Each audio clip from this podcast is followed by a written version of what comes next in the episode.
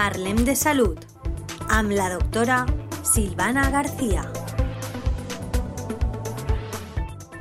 Buenas tardes oyentes de la Tegua Radio, otro jueves más juntos y hoy estaremos hablando de la meningitis. ¿Y qué es la meningitis? Es la inflamación de las meninges, las membranas que recubren el cerebro y la médula espinal. ¿Qué tenemos que saber? Que es una enfermedad que la puede contraer a cualquier edad puesto que se puede contagiar con facilidad entre personas que conviven en espacios cerrados y reducidos. Lo pueden presentar los niños pequeñitos, los adolescentes, estudiantes universitarios, contagios en colegio. Pero bueno, hay que tener en cuenta que lo más importante es iniciar un tratamiento rápido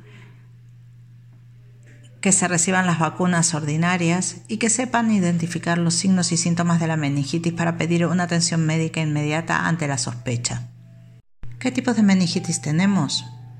Bueno, pueden estar causadas por virus o bacterias. A veces está provocado por algunos medicamentos y también por algunas enfermedades. Muchos de los virus y las bacterias que causan la meningitis son bastante frecuentes y también causan otras enfermedades ordinarias.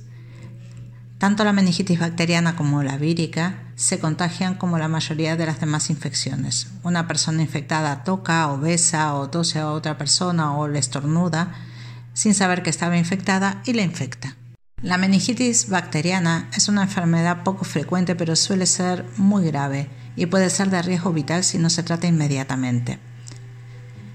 En algunos casos de meningitis bacteriana, la bacteria llega hasta la meninges a partir de un traumatismo cráneoencefálico grave o de una infección local grave, como una infección de oído, o sea, una otitis media, o una sinusitis. Hay muchos tipos distintos de bacteria que pueden causar meningitis bacteriana.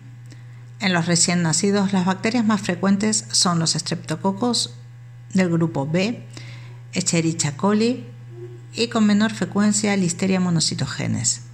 En los niños mayores las bacterias causantes suelen ser Streptococcus pneumoniae, que es el neumococo, y el Neisseria meningitidis, que es el meningococo. La meningitis viral también se la puede conocer como meningitis aséptica, es más frecuente que la bacteriana, pero menos grave.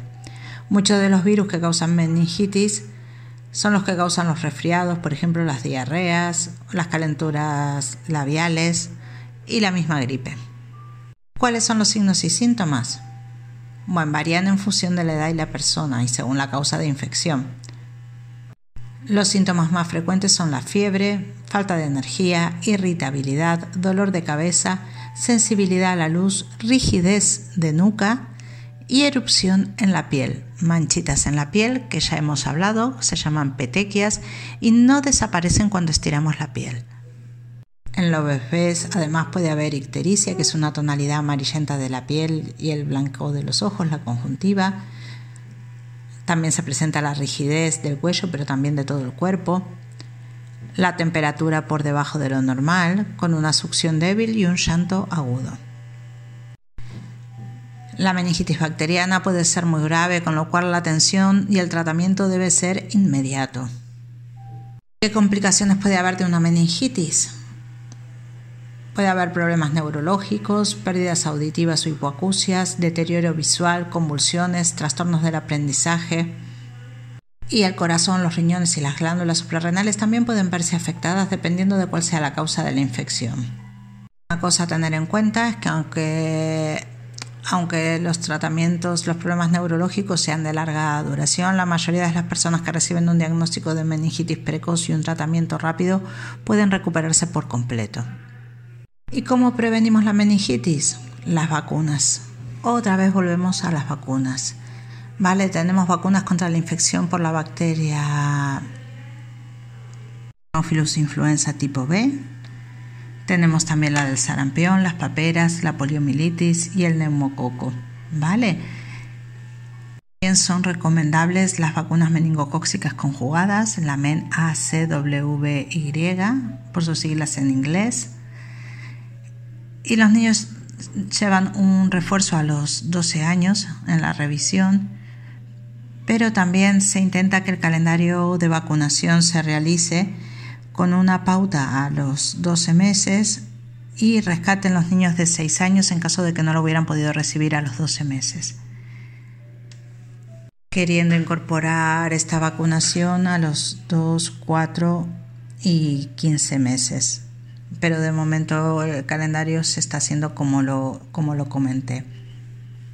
También hay un tipo de vacuna llamada MENB que protege contra un tipo de bacteria meningocóxica no cubierta por la bacteria por la vacuna antigua. También está la vacuna contra la meningitis B, que se aplica ahora a los 2, 4 y 15 meses también, que es esta B de la que estábamos hablando. Y tanto niños como adultos siempre tienen que hacer un minucioso lavado de manos con frecuencia, antes después de ir al baño, si se trabaja con niños en guarderías o por ejemplo en servicios sanitarios. Hay que evitar el contacto directo con personas que estén claramente enfermas y no compartir con ellos alimentos, bebidas ni utensilios para comer. Cuando pedimos ayuda, recordarlo, es muy importante vómitos, dolor de cabeza, cansancio, confusión, rigidez de cuellos, erupción en la piel con manchitas que no desaparecen a la presión y fiebre. En caso del bebé también irritabilidad o que no coma. Nada, muchas gracias por estar, espero que les haya gustado. Hasta el próximo jueves, los saluda Silvana. Parlem de salud amb la doctora Silvana García.